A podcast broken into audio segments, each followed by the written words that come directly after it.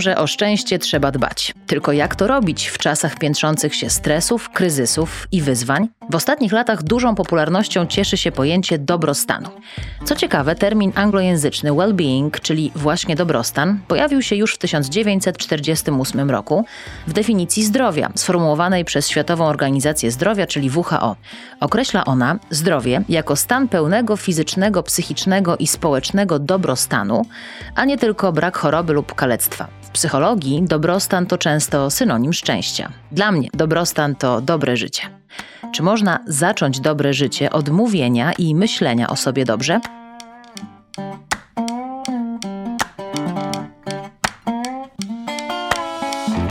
Cześć, nazywam się Justyna Dżbik-Kluge, jestem dziennikarką i bardzo serdecznie zapraszam Was na kolejny odcinek podcastu Mówią, że wydawnictwa Filia na Faktach. Dziś w tle rozmowy znajdzie się bardzo pomocna książka amerykańskiej psychoterapeutki, której rodzina pochodzi ze Sri Lanki, Niro Feliciano, zatytułowana Szczęście jak żyć bez presji i dbać o swój dobrostan. Feliciano podaje w niej osiem konkretnych kluczy do znalezienia zadowolenia z życia. Są wśród nich m.in. wdzięczność, akceptacja i samo współczucie. Na ile w osiągnięciu dobrostanu może nam pomóc samoakceptacja? Czy wsparciem może być mówienie o sobie dobrze, a co za tym idzie myślenie o sobie również w ten sposób? Zapytam o to Aleksandrę Więcką, story designerkę, dziennikarkę i socjolożkę, która uczy kobiety, jak mówić o sobie dobrze. Napisała książkę na ten temat, prowadzi warsztaty dla kobiet, które niestety dobrego mówienia o sobie nie są nauczone. Przez lata wmawiano nam, że musimy być skromne i nie wychylać się przed szereg. Może czas to zmienić w imię naszego dobrostanu.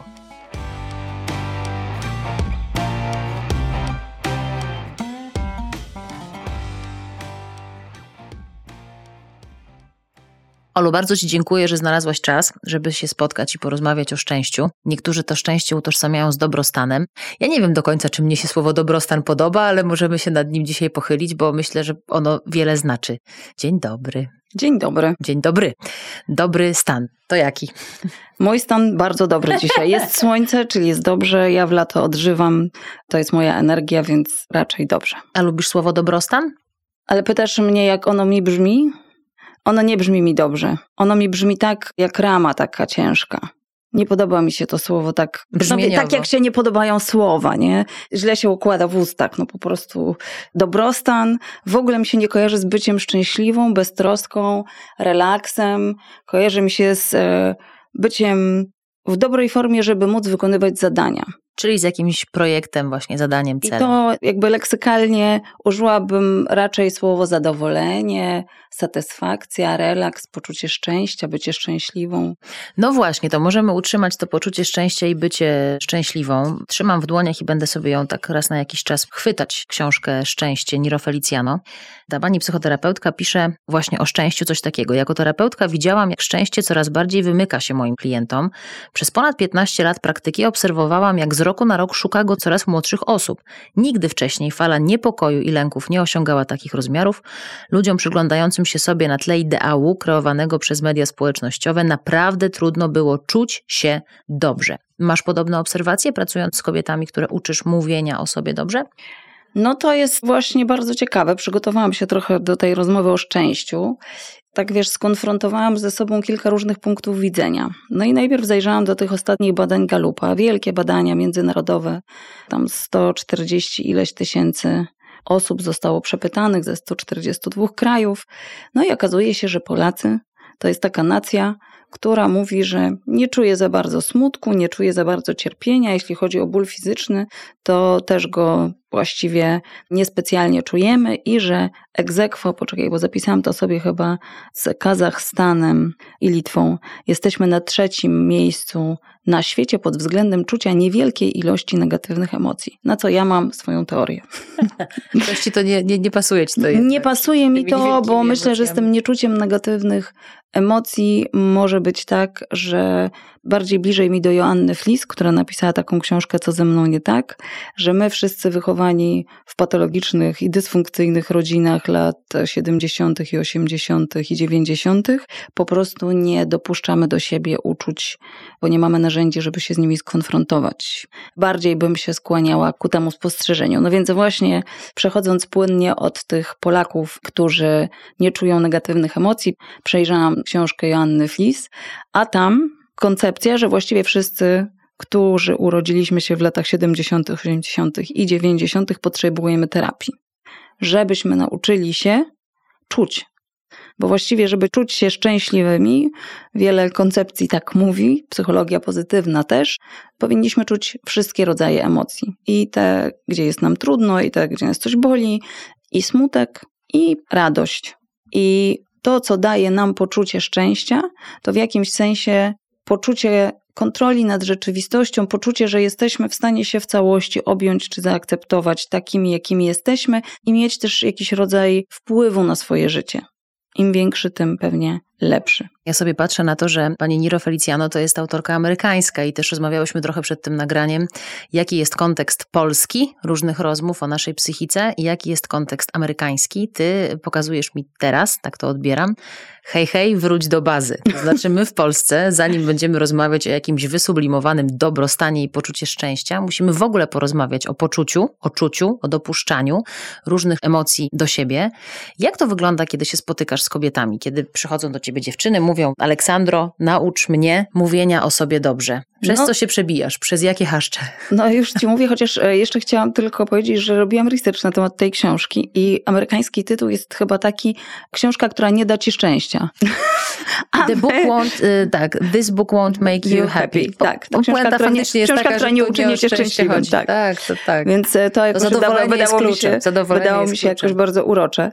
Ale jeśli chodzi o moje spotkania z kobietami, które przygotowuję do wystąpień publicznych, czy takie, które przychodzą na moje warsztaty, bardzo często jest tak, że zaczynamy od konfrontacji z takim poczuciem jakiegoś rodzaju konfliktu konfliktu między tym, że hej, przecież umiem, hej, przecież potrafię, jestem zawodowo dobra, radzę sobie, mam osiągnięcia, pewne rzeczy mi się udały. Dlaczego nie potrafię o tym mówić? No i dlaczego?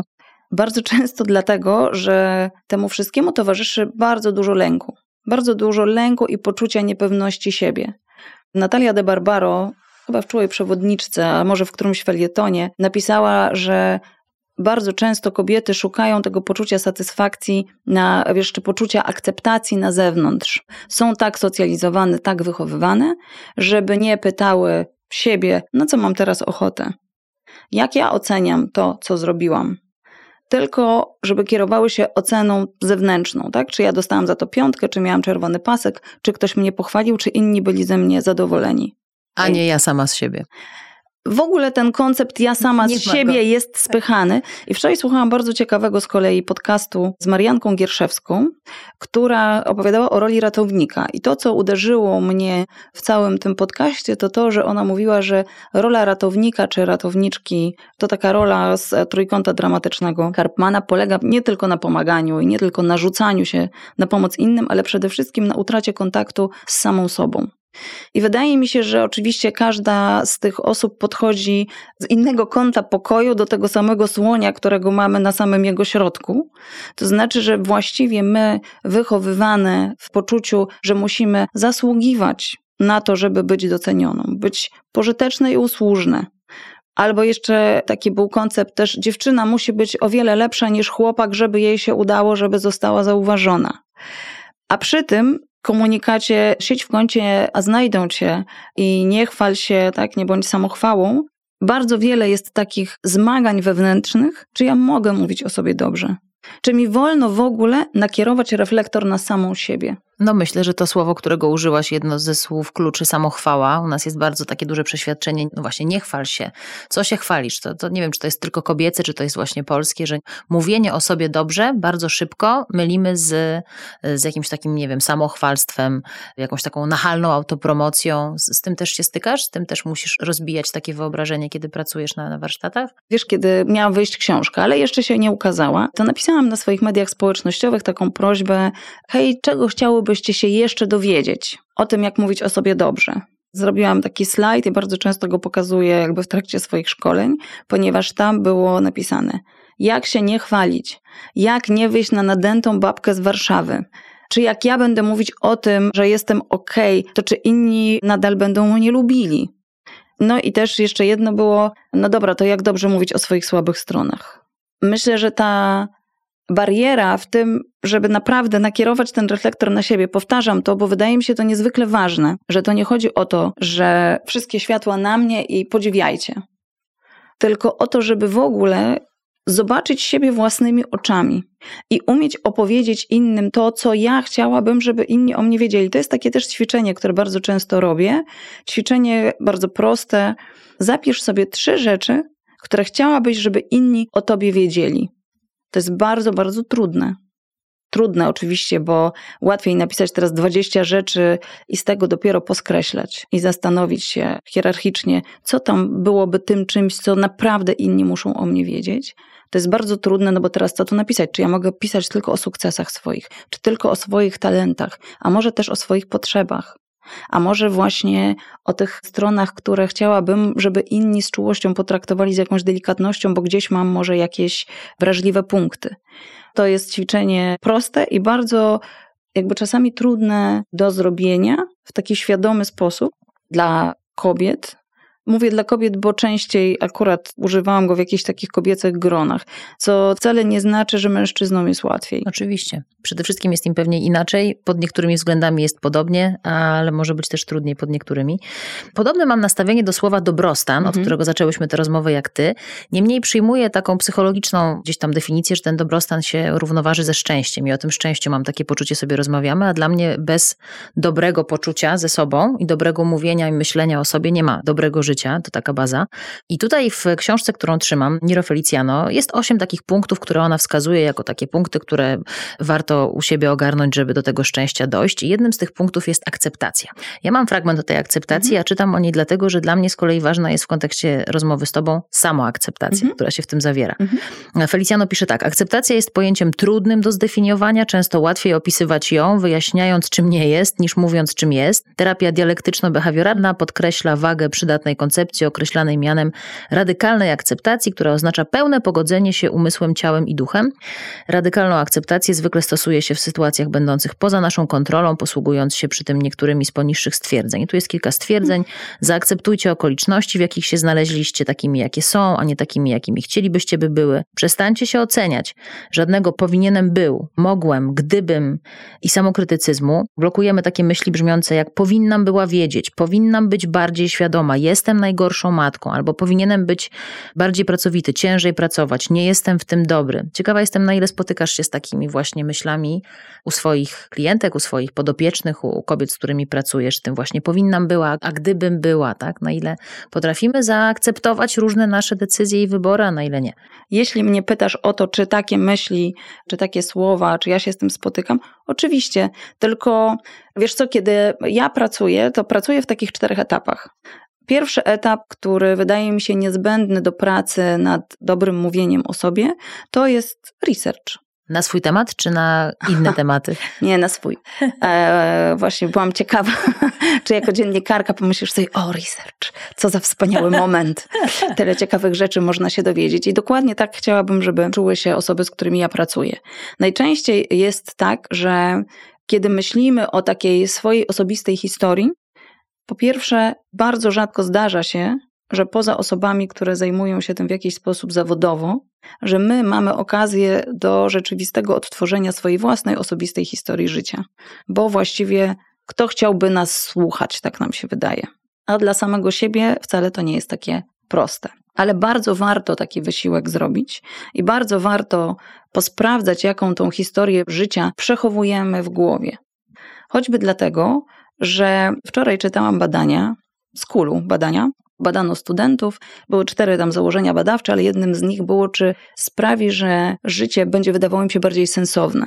Co, jak wiesz, przy obecnym stanie zdrowia psychicznego młodzieży może być niezwykle ważnym celem do osiągnięcia, nie? Odzyskanie Poczucie poczucia sensu. Mhm. I dla dorosłych Pewnie. też, myślę, bardzo wielu przy każdym kolejnym kryzysie mogłoby być istotne. I okazało się, że rzeczywiście spośród kilku założeń, które badacze zrobili, to założenie się potwierdziło, że opowiedzenie historii swojego życia pozwala nam dostrzec sens w tym, co wydarzyło się w naszej przeszłości, że pozwala nam zaobserwować wzorce naszych decyzji, na przykład, które podejmujemy, albo że pozwala nam rozpoznać, jakby skonfrontować taką opowieść, którą snujemy na swój temat, na przykład z faktami. Z faktami, no właśnie. I że to sprawia, że czujemy się w nieco większej kontroli nad tym, kim jesteśmy.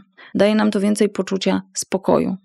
I teraz, e, jak pytasz o to, czy wtedy pojawiają się takie rzeczy, o mój Boże, powinnam? No więc zaskakująco, nie tak często. Nie tak często.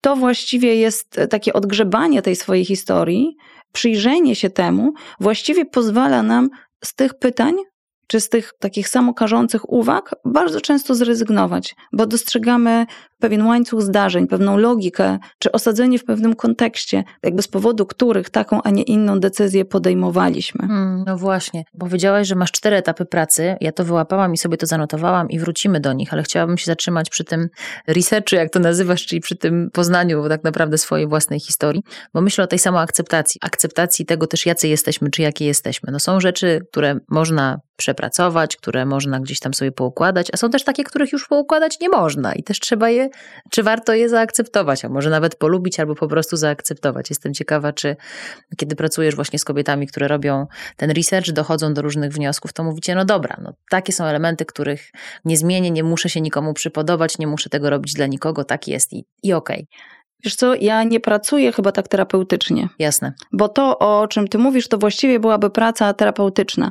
Ale to, co my robimy, kiedy przyglądamy się tej historii, to właściwie patrzymy na nią.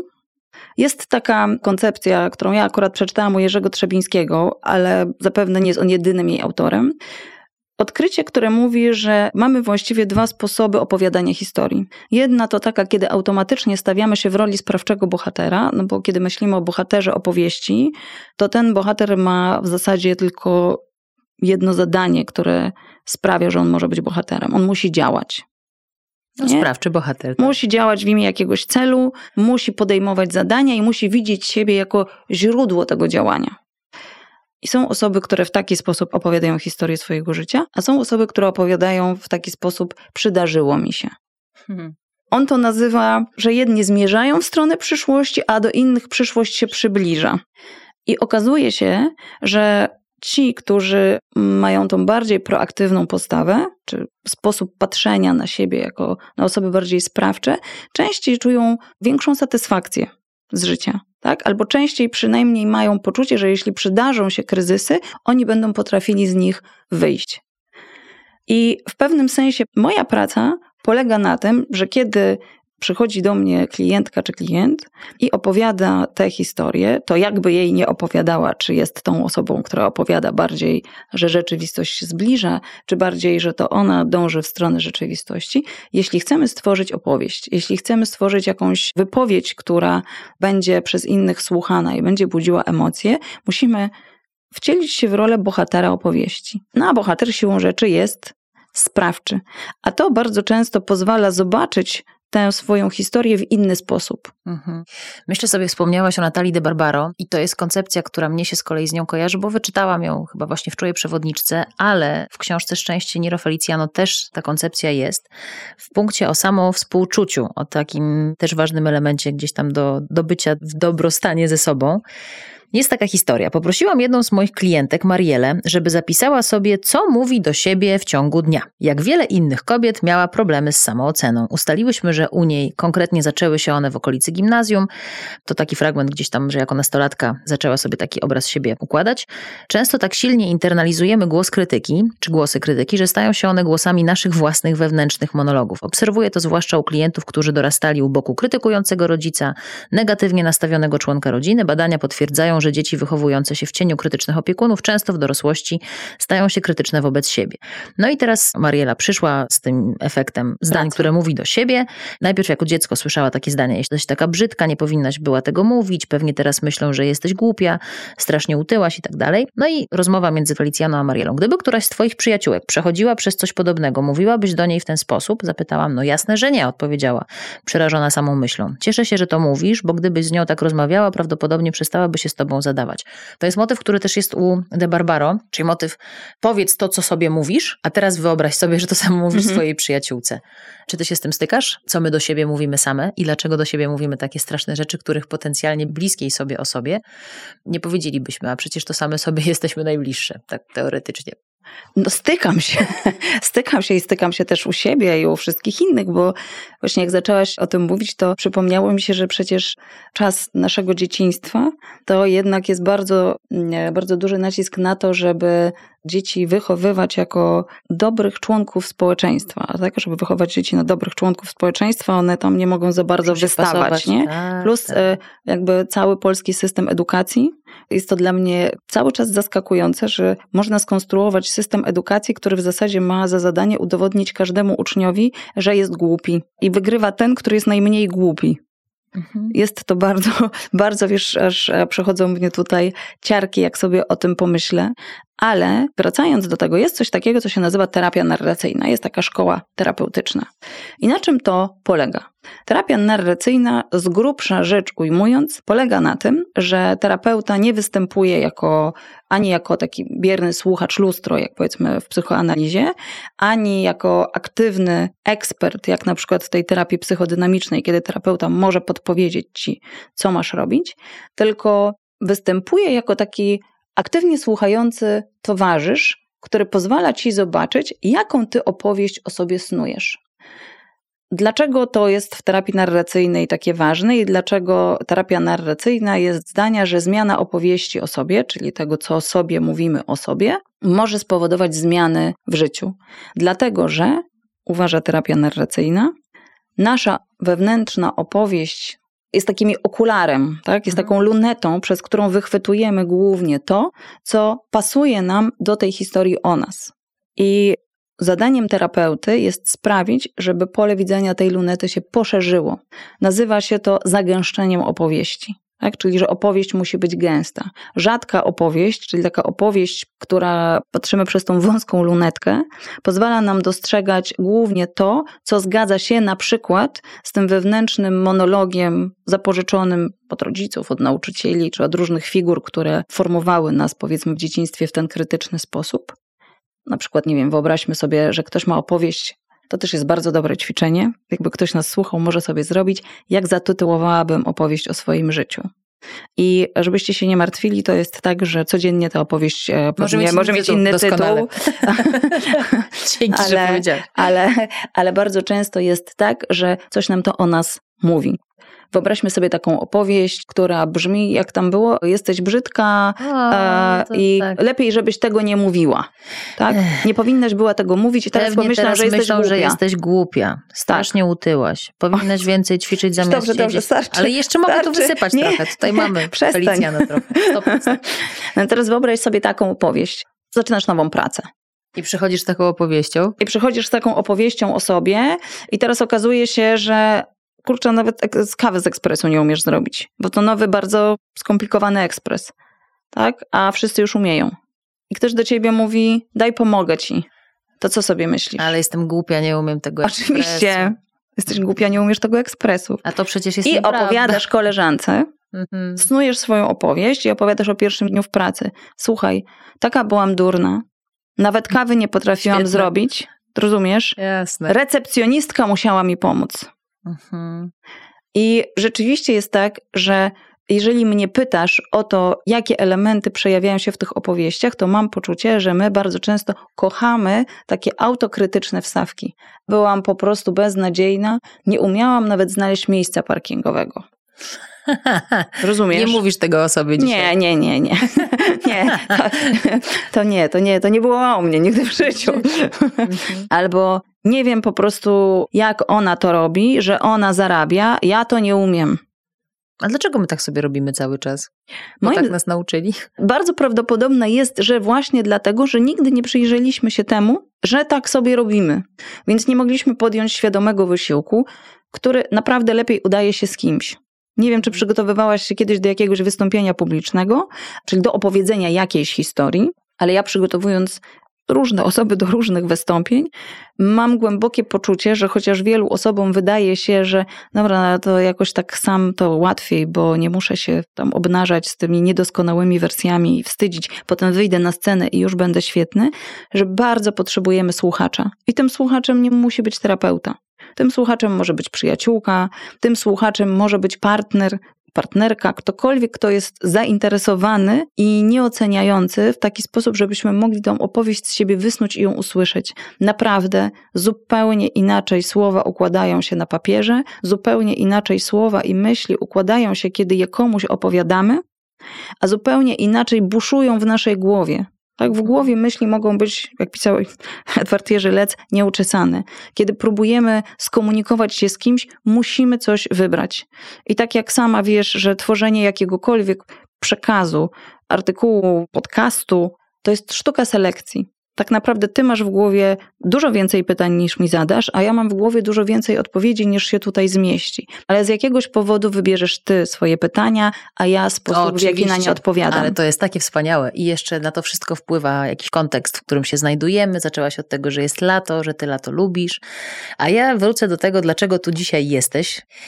Bo ja widzę taki ciąg przyczynowo-skutkowy. I teraz powiedz, czy ja go dobrze widzę. I tutaj zamykam, ale patrzę na okładkę książki o szczęściu. Niech to szczęście będzie zamienione na zadowolenie, żeby mieć dobre, takie zadowolone życie. Nie? Już niech ten dobrostan będzie znaczył zadowolone życie. Dobrze o sobie mówię, dobrze o sobie myślę, mam dobre życie. Dobrze o sobie myślę, dobrze o sobie mówię, mam dobre życie. Czy tu są takie strzałeczki, które do tego idą?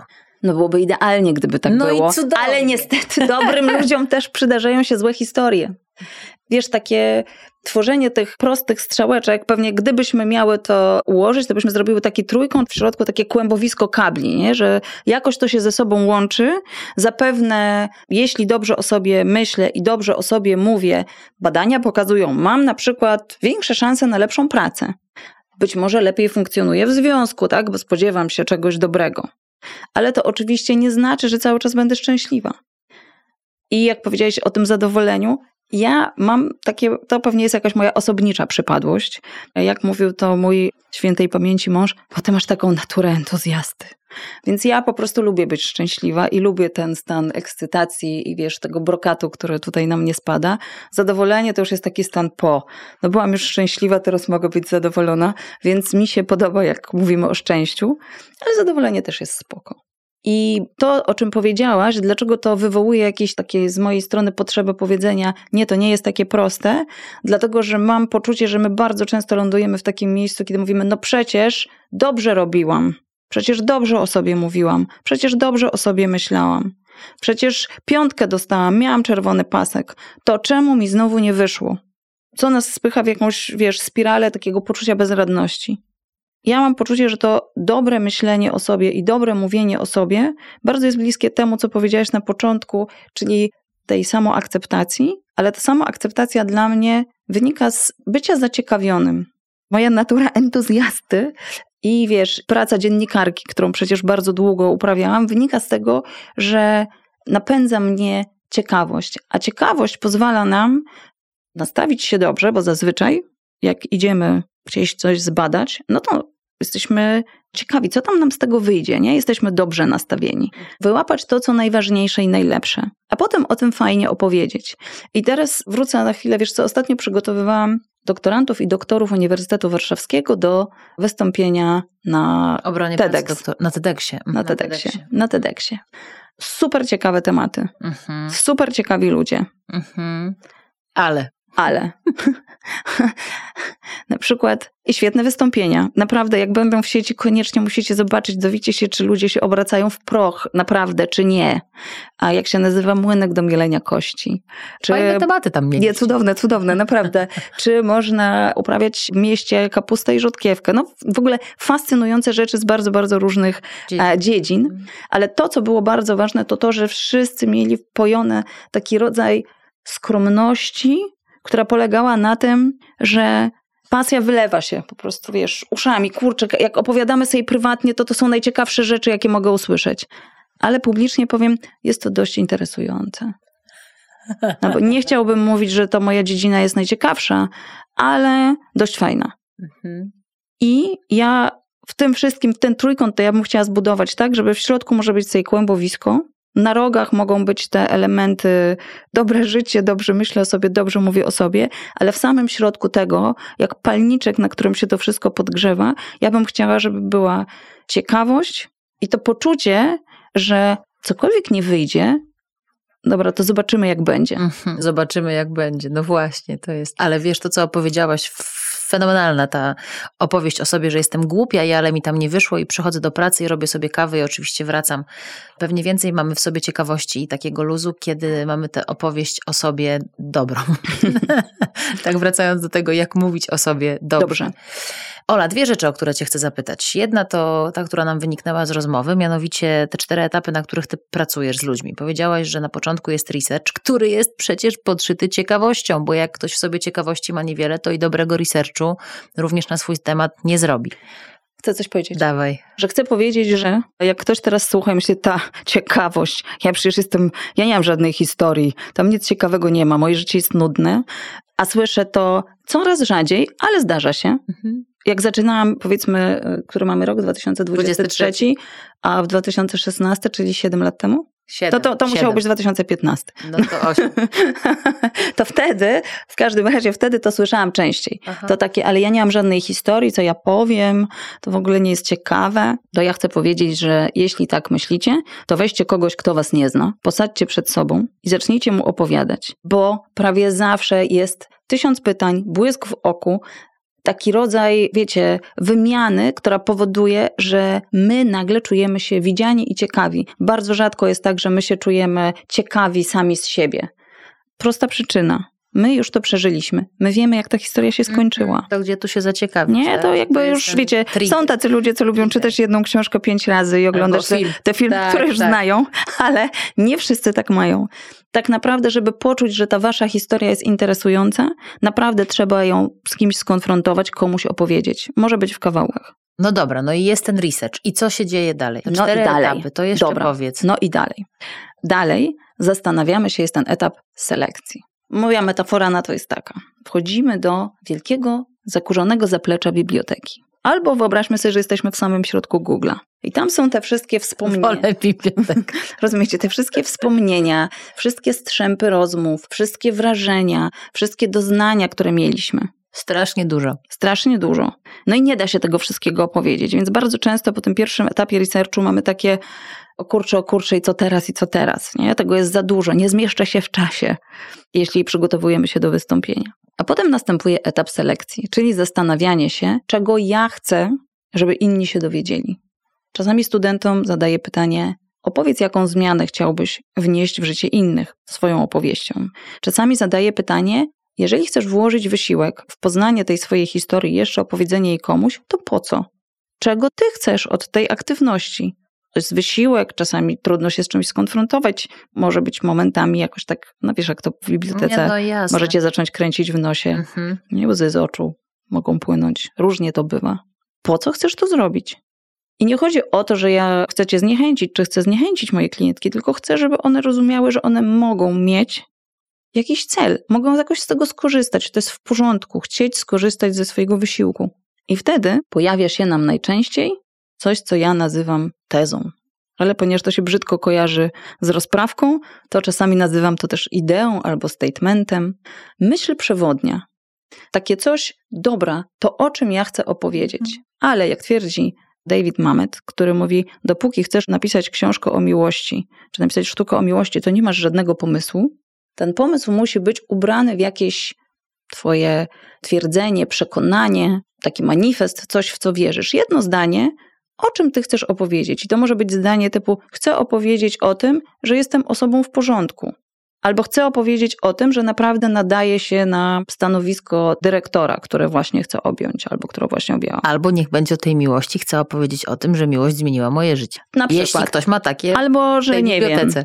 A może ktoś chce powiedzieć, że chce opowiedzieć o tym, że miłość to pole walki, nie? Albo, że surfing to król wszystkich sportów. No dobra, dobra. Nie ma to mamy. żadnego znaczenia. Ale musi być to No, tak, ubrane. mamy ten, mamy ten, w GPS-ie byśmy powiedzieli, że wyznaczamy sobie powoli cel, do którego chcemy dotrzeć. I teraz szukamy takich elementów w tej opowieści, dzięki którym możemy to pokazać. Dlaczego pokazać? No bo naszym celem, kiedy snujemy opowieść, nie jest wystukanie odpowiedniej ilości znaków, chociaż jak się jest dziennikarzem, to czasami, Czasami są czasami rygo- bywa. rygory tak? i zasady, tak. Tak, i po prostu i myślimy, o Boże, ile jeszcze, jeszcze tysiąc znaków, ale tak naprawdę naszym celem, kiedy snujemy opowieść, jest wywołanie przed oczami innej osoby, często swoimi też, obrazów. Obrazów, które pozwolą nam zanurzyć się w jakąś rzeczywistość, stanąć w jakiejś sytuacji, zobaczyć ją. Więc szukamy takich sytuacji z życia, takich doświadczeń, może też być zasłyszanych historii, takich strzępków, skrawków, elementów, które ostatecznie pozwolą nam pokazać, czy ta teza jest dla mnie osobiście tak prawdziwa, czy ja rzeczywiście jestem tą osobą i dlaczego ja jestem tą osobą, jak ja to chcę pokazać, że jestem osobą, która się nada na to stanowisko, albo jest osobą w porządku, albo że miłość zmieniła moje życie. Więc następuje ten etap selekcji. Ale ponieważ robimy go świadomie, więc nie wyrzucamy z pamięci tych rzeczy, które nam tam nie pasowało. Po prostu wiemy, że żeby skonstruować opowieść, musimy pewne rzeczy wybrać. No jak już je wybierzemy, to teraz trzeba nadać im pewną strukturę Mhm. i je poukładać. No i oczywiście tych elementów i różnych pomysłów na struktury opowieści Jest jest sporo. dużo. Ja często posługuję się Campbellem, czyli taką koncepcją Campbella, który mówi o wyprawie bohatera. Dlaczego się nią posługuję? Dlatego, że ten archetypiczny koncept jest bardzo elastyczny i odpowiada dość dobrze i w taki chyba najbardziej naturalny sposób naszemu doświadczeniu. Naszemu doświadczeniu rozwoju, tak? Czyli mamy bohatera, który stawia przed sobą jakiś cel, pokonuje trudności, przechodzi przez kryzys. W tym kryzysie dowiaduje się o sobie czegoś nowego, rozpoznaje, co pozwoliło mu ten kryzys pokonać, czyli w jaki sposób on się zmienił, jakie nowe umiejętności nabył albo jaką nową świadomość nabył, a potem próbuje zintegrować tę wiedzę ze swoim życiem. Z grubsza rzecz biorąc, na tym ta struktura opowieści polega. A co robisz w czwartym etapie? A w czwartym etapie najczęściej słucham tej opowieści, którą tworzy ta osoba. Mhm. Czyli ja jakby jestem tutaj, asystuję, pomagam i wspieram, ale chcę usłyszeć teraz tę opowieść opowiedzianą przez tą osobę. No i bardzo często, jeśli to jest wystąpienie, no to pracujemy nad tym, jak zacząć. Czyli jak wejść teraz w interakcję z innymi ludźmi, którym ja to opowiadam. Czyli jak zacząć, jak skończyć, ale też zastanawiamy się nad tym, jaką rolę w tej opowieści pełni każdy kolejny fragment. O jakich emocjach to jest. No bo kiedy występujemy, kiedy w ogóle, kiedy komunikujemy z innymi, nie tylko słowa nas niosą, ale też te emocje, jakie przeżywamy w trakcie. To jest nasza fala, po której surfujemy. Też lubię taką metaforę, która trochę zdejmuje na przykład z osób, które występują przed publicznością, taki ciężar tego, że Boże, ja ich teraz muszę zabawić, a co będzie, jak oni po prostu się będą nudzić. I teraz tą metaforą jest taka sytuacja, jak wyobraź sobie, że zakochujesz się w nowym chłopaku czy dziewczynie i zabierasz go do swojego rodzinnego miasta. Niekoniecznie to jest zawsze Nowy Jork. Czasem w moim przypadku jest to Otwock. Więc zabieram go, zabieram po prostu taką osobę do Otwocka i teraz, wiecie, małe miasteczko, z pozoru nic tam ciekawego, O, linia Otwocka, wiesz, tam, Świdermajery. Świdermajery, no ale teraz ja jestem tą osobą, która pokazuje te wszystkie momenty, które sprawiają, że nagle to miasteczko zaczyna być ciekawe, nie? Tu jest trzepak, na którym pierwszy raz rozbiłam sobie głowę, tam cukiernia, w której pracowałam, jak miałam 12 lat, tu się pierwszy raz całowałam z chłopakiem, a tam robiłam jeszcze coś innego. I to jest nasza rola w moim odczuciu, kiedy my zabieramy kogoś w tę opowieść, czyli zabranie kogoś w świat, który tak naprawdę dobrze znamy.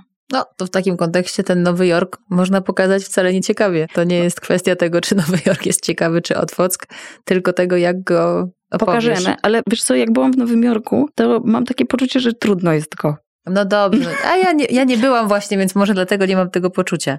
Ola, to na koniec do ciebie pytanie jako do osoby, która posiada naturę entuzjasty, albo naturę entuzjastki w tej wersji z feminatywami na dziś. Powiedziałaś o tej metaforze, którą lubisz, tej metaforze podróży, tak? No, że to z tym szczęściem, czy z tym dobrostanem, czy z tym poczuciem zadowolenia, no to jest tak, że my tak gonimy, gonimy tego, znaczy gonimy, no idziemy sobie do tego króliczka, może już nie gońmy, już wystarczy tego gonienia. Co nas, ciebie, od tego poczucia szczęścia oddala, a co nas przybliża? Do niego? No, to pewnie jest y, różnie, ale na pewno oddala nas taki moment, kiedy od poczucia, no bo kiedy my czujemy się szczęśliwi. Nie? Można by powiedzieć, że Chociaż teraz zadałaś mi takie pytanie i teraz już nie Możesz wiem, czy wtedy się... o sobie też, nie ma sprawy. Dobra, dobra, dobra, dobra, ale poczekaj, bo tutaj chcę dojść do tego momentu. Czy to mówimy o szczęściu, czy o takim, o tym zadowoleniu? Jakby, no wiem, a to jakby... Czy tak się skrzy, czy tak jest po prostu ciepło i miło pod kocem, nie?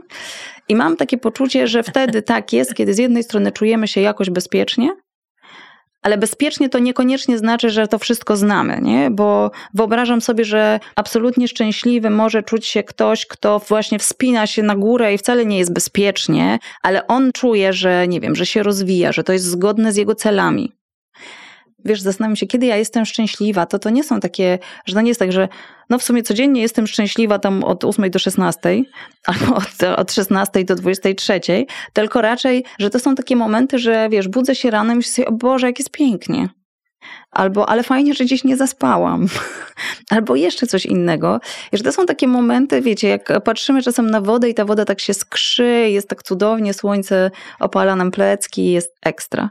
Ale poczucie szczęścia daje nam przekraczanie jakichś swoich barier. To, że odkrywamy jakieś rzeczy, w których jesteśmy dobrzy.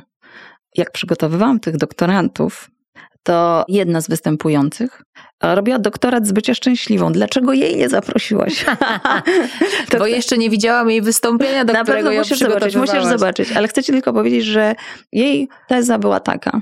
To, czego uczy nas świat, i social media, to to, że jakby poczucie szczęścia bierze się z takiego dobrostanu finansowego. I rzeczywiście jakby wszystkie badania pokazują, że jest pewna korelacja między jednym a drugim. To znaczy, że musisz czuć się bezpiecznie też w tych różnych aspektach. Tak, tak. I nawet jak e, patrzyłam sobie wczoraj też na badania CBOS-u, czyli te wszystkie badania, które badają Polaków pod tym kątem, czy są szczęśliwi, to Polacy zasadniczo, uwaga, uwaga, od 94 roku większość Polaków uważa, że jest im całkiem okej. Okay.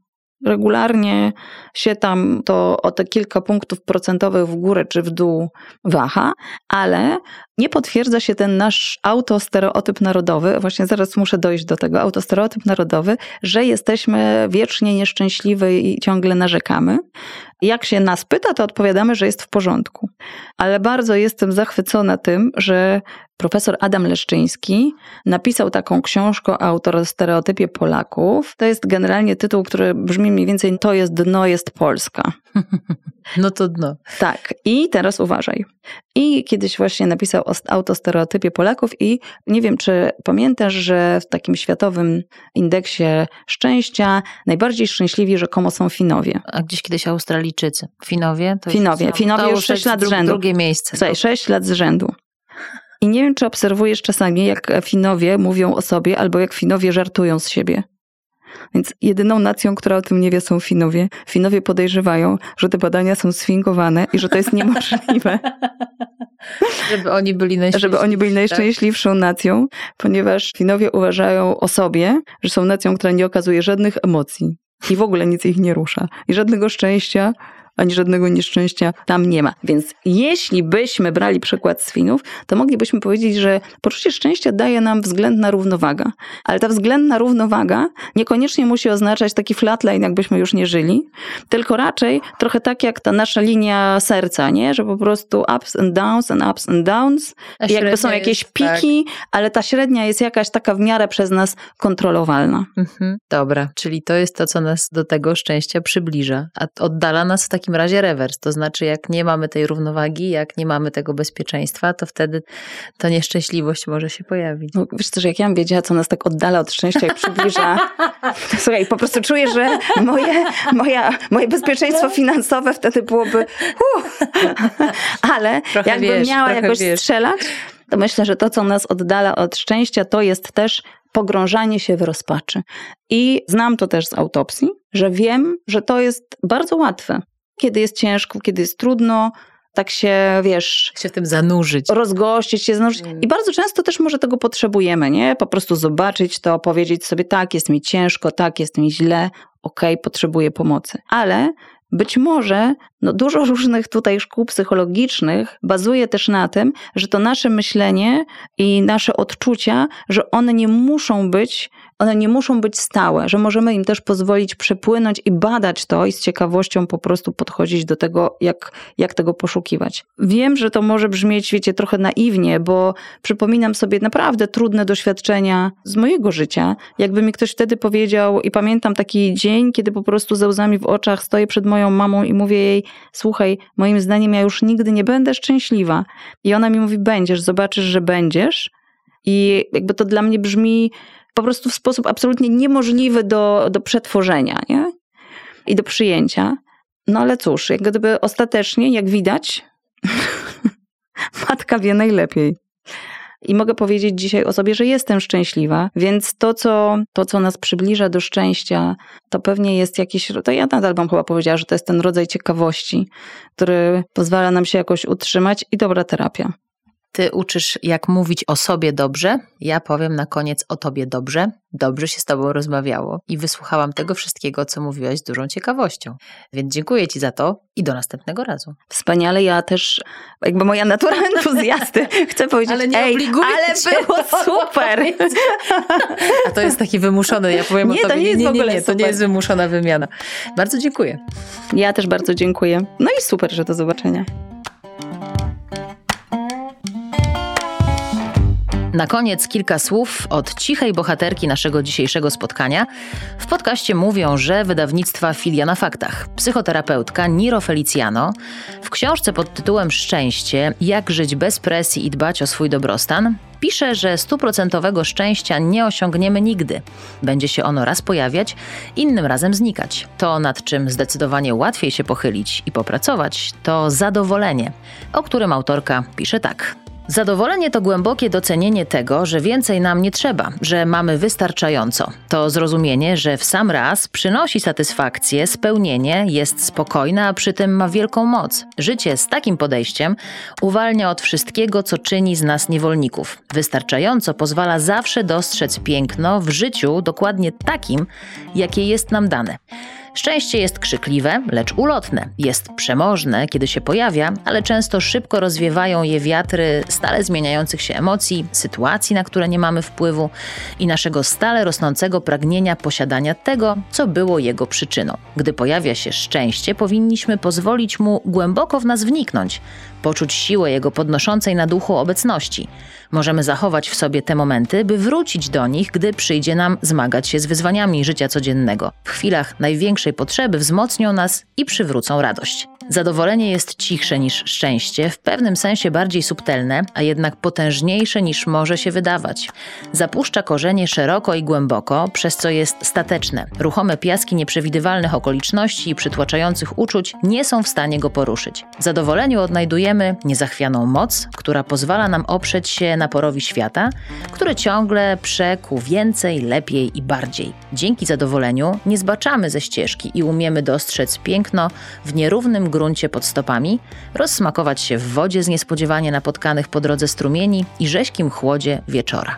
A co najważniejsze, zadowolenie zawsze docenia, jak daleko dotarliśmy od początku podróży. Ujmijmy to więc jeszcze inaczej. Kiedy otwieracie szafę, szczęście to ta boska, powiewająca szkarłatno-czerwona sukienka i lśniące szpilki, albo odważny błękitny garnitur, który mieliście na sobie podczas tamtej ważnej prezentacji przed Radą Nadzorczą. Gdzieś obok leży zadowolenie. Znoszona, powyciągana bluza, którą nosicie przez 95% czasu, bo chcecie, by było Wam ciepło, miło i przytulnie. W pewnym momencie sukienka Wam się znudzi, albo znajdziecie nowy garnitur, ale ta bluza niezastąpiona. Największa moc, która zostaje z Wami.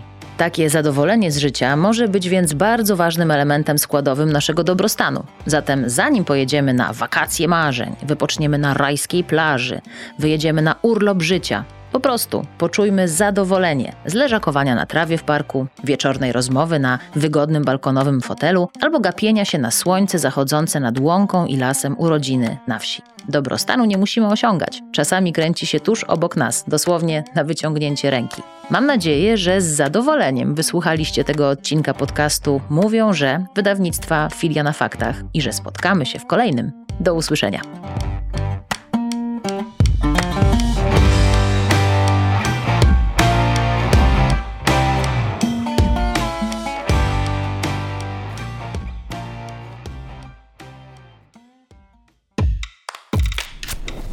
Odcinek powstał w studiu Produkcja Podcastów.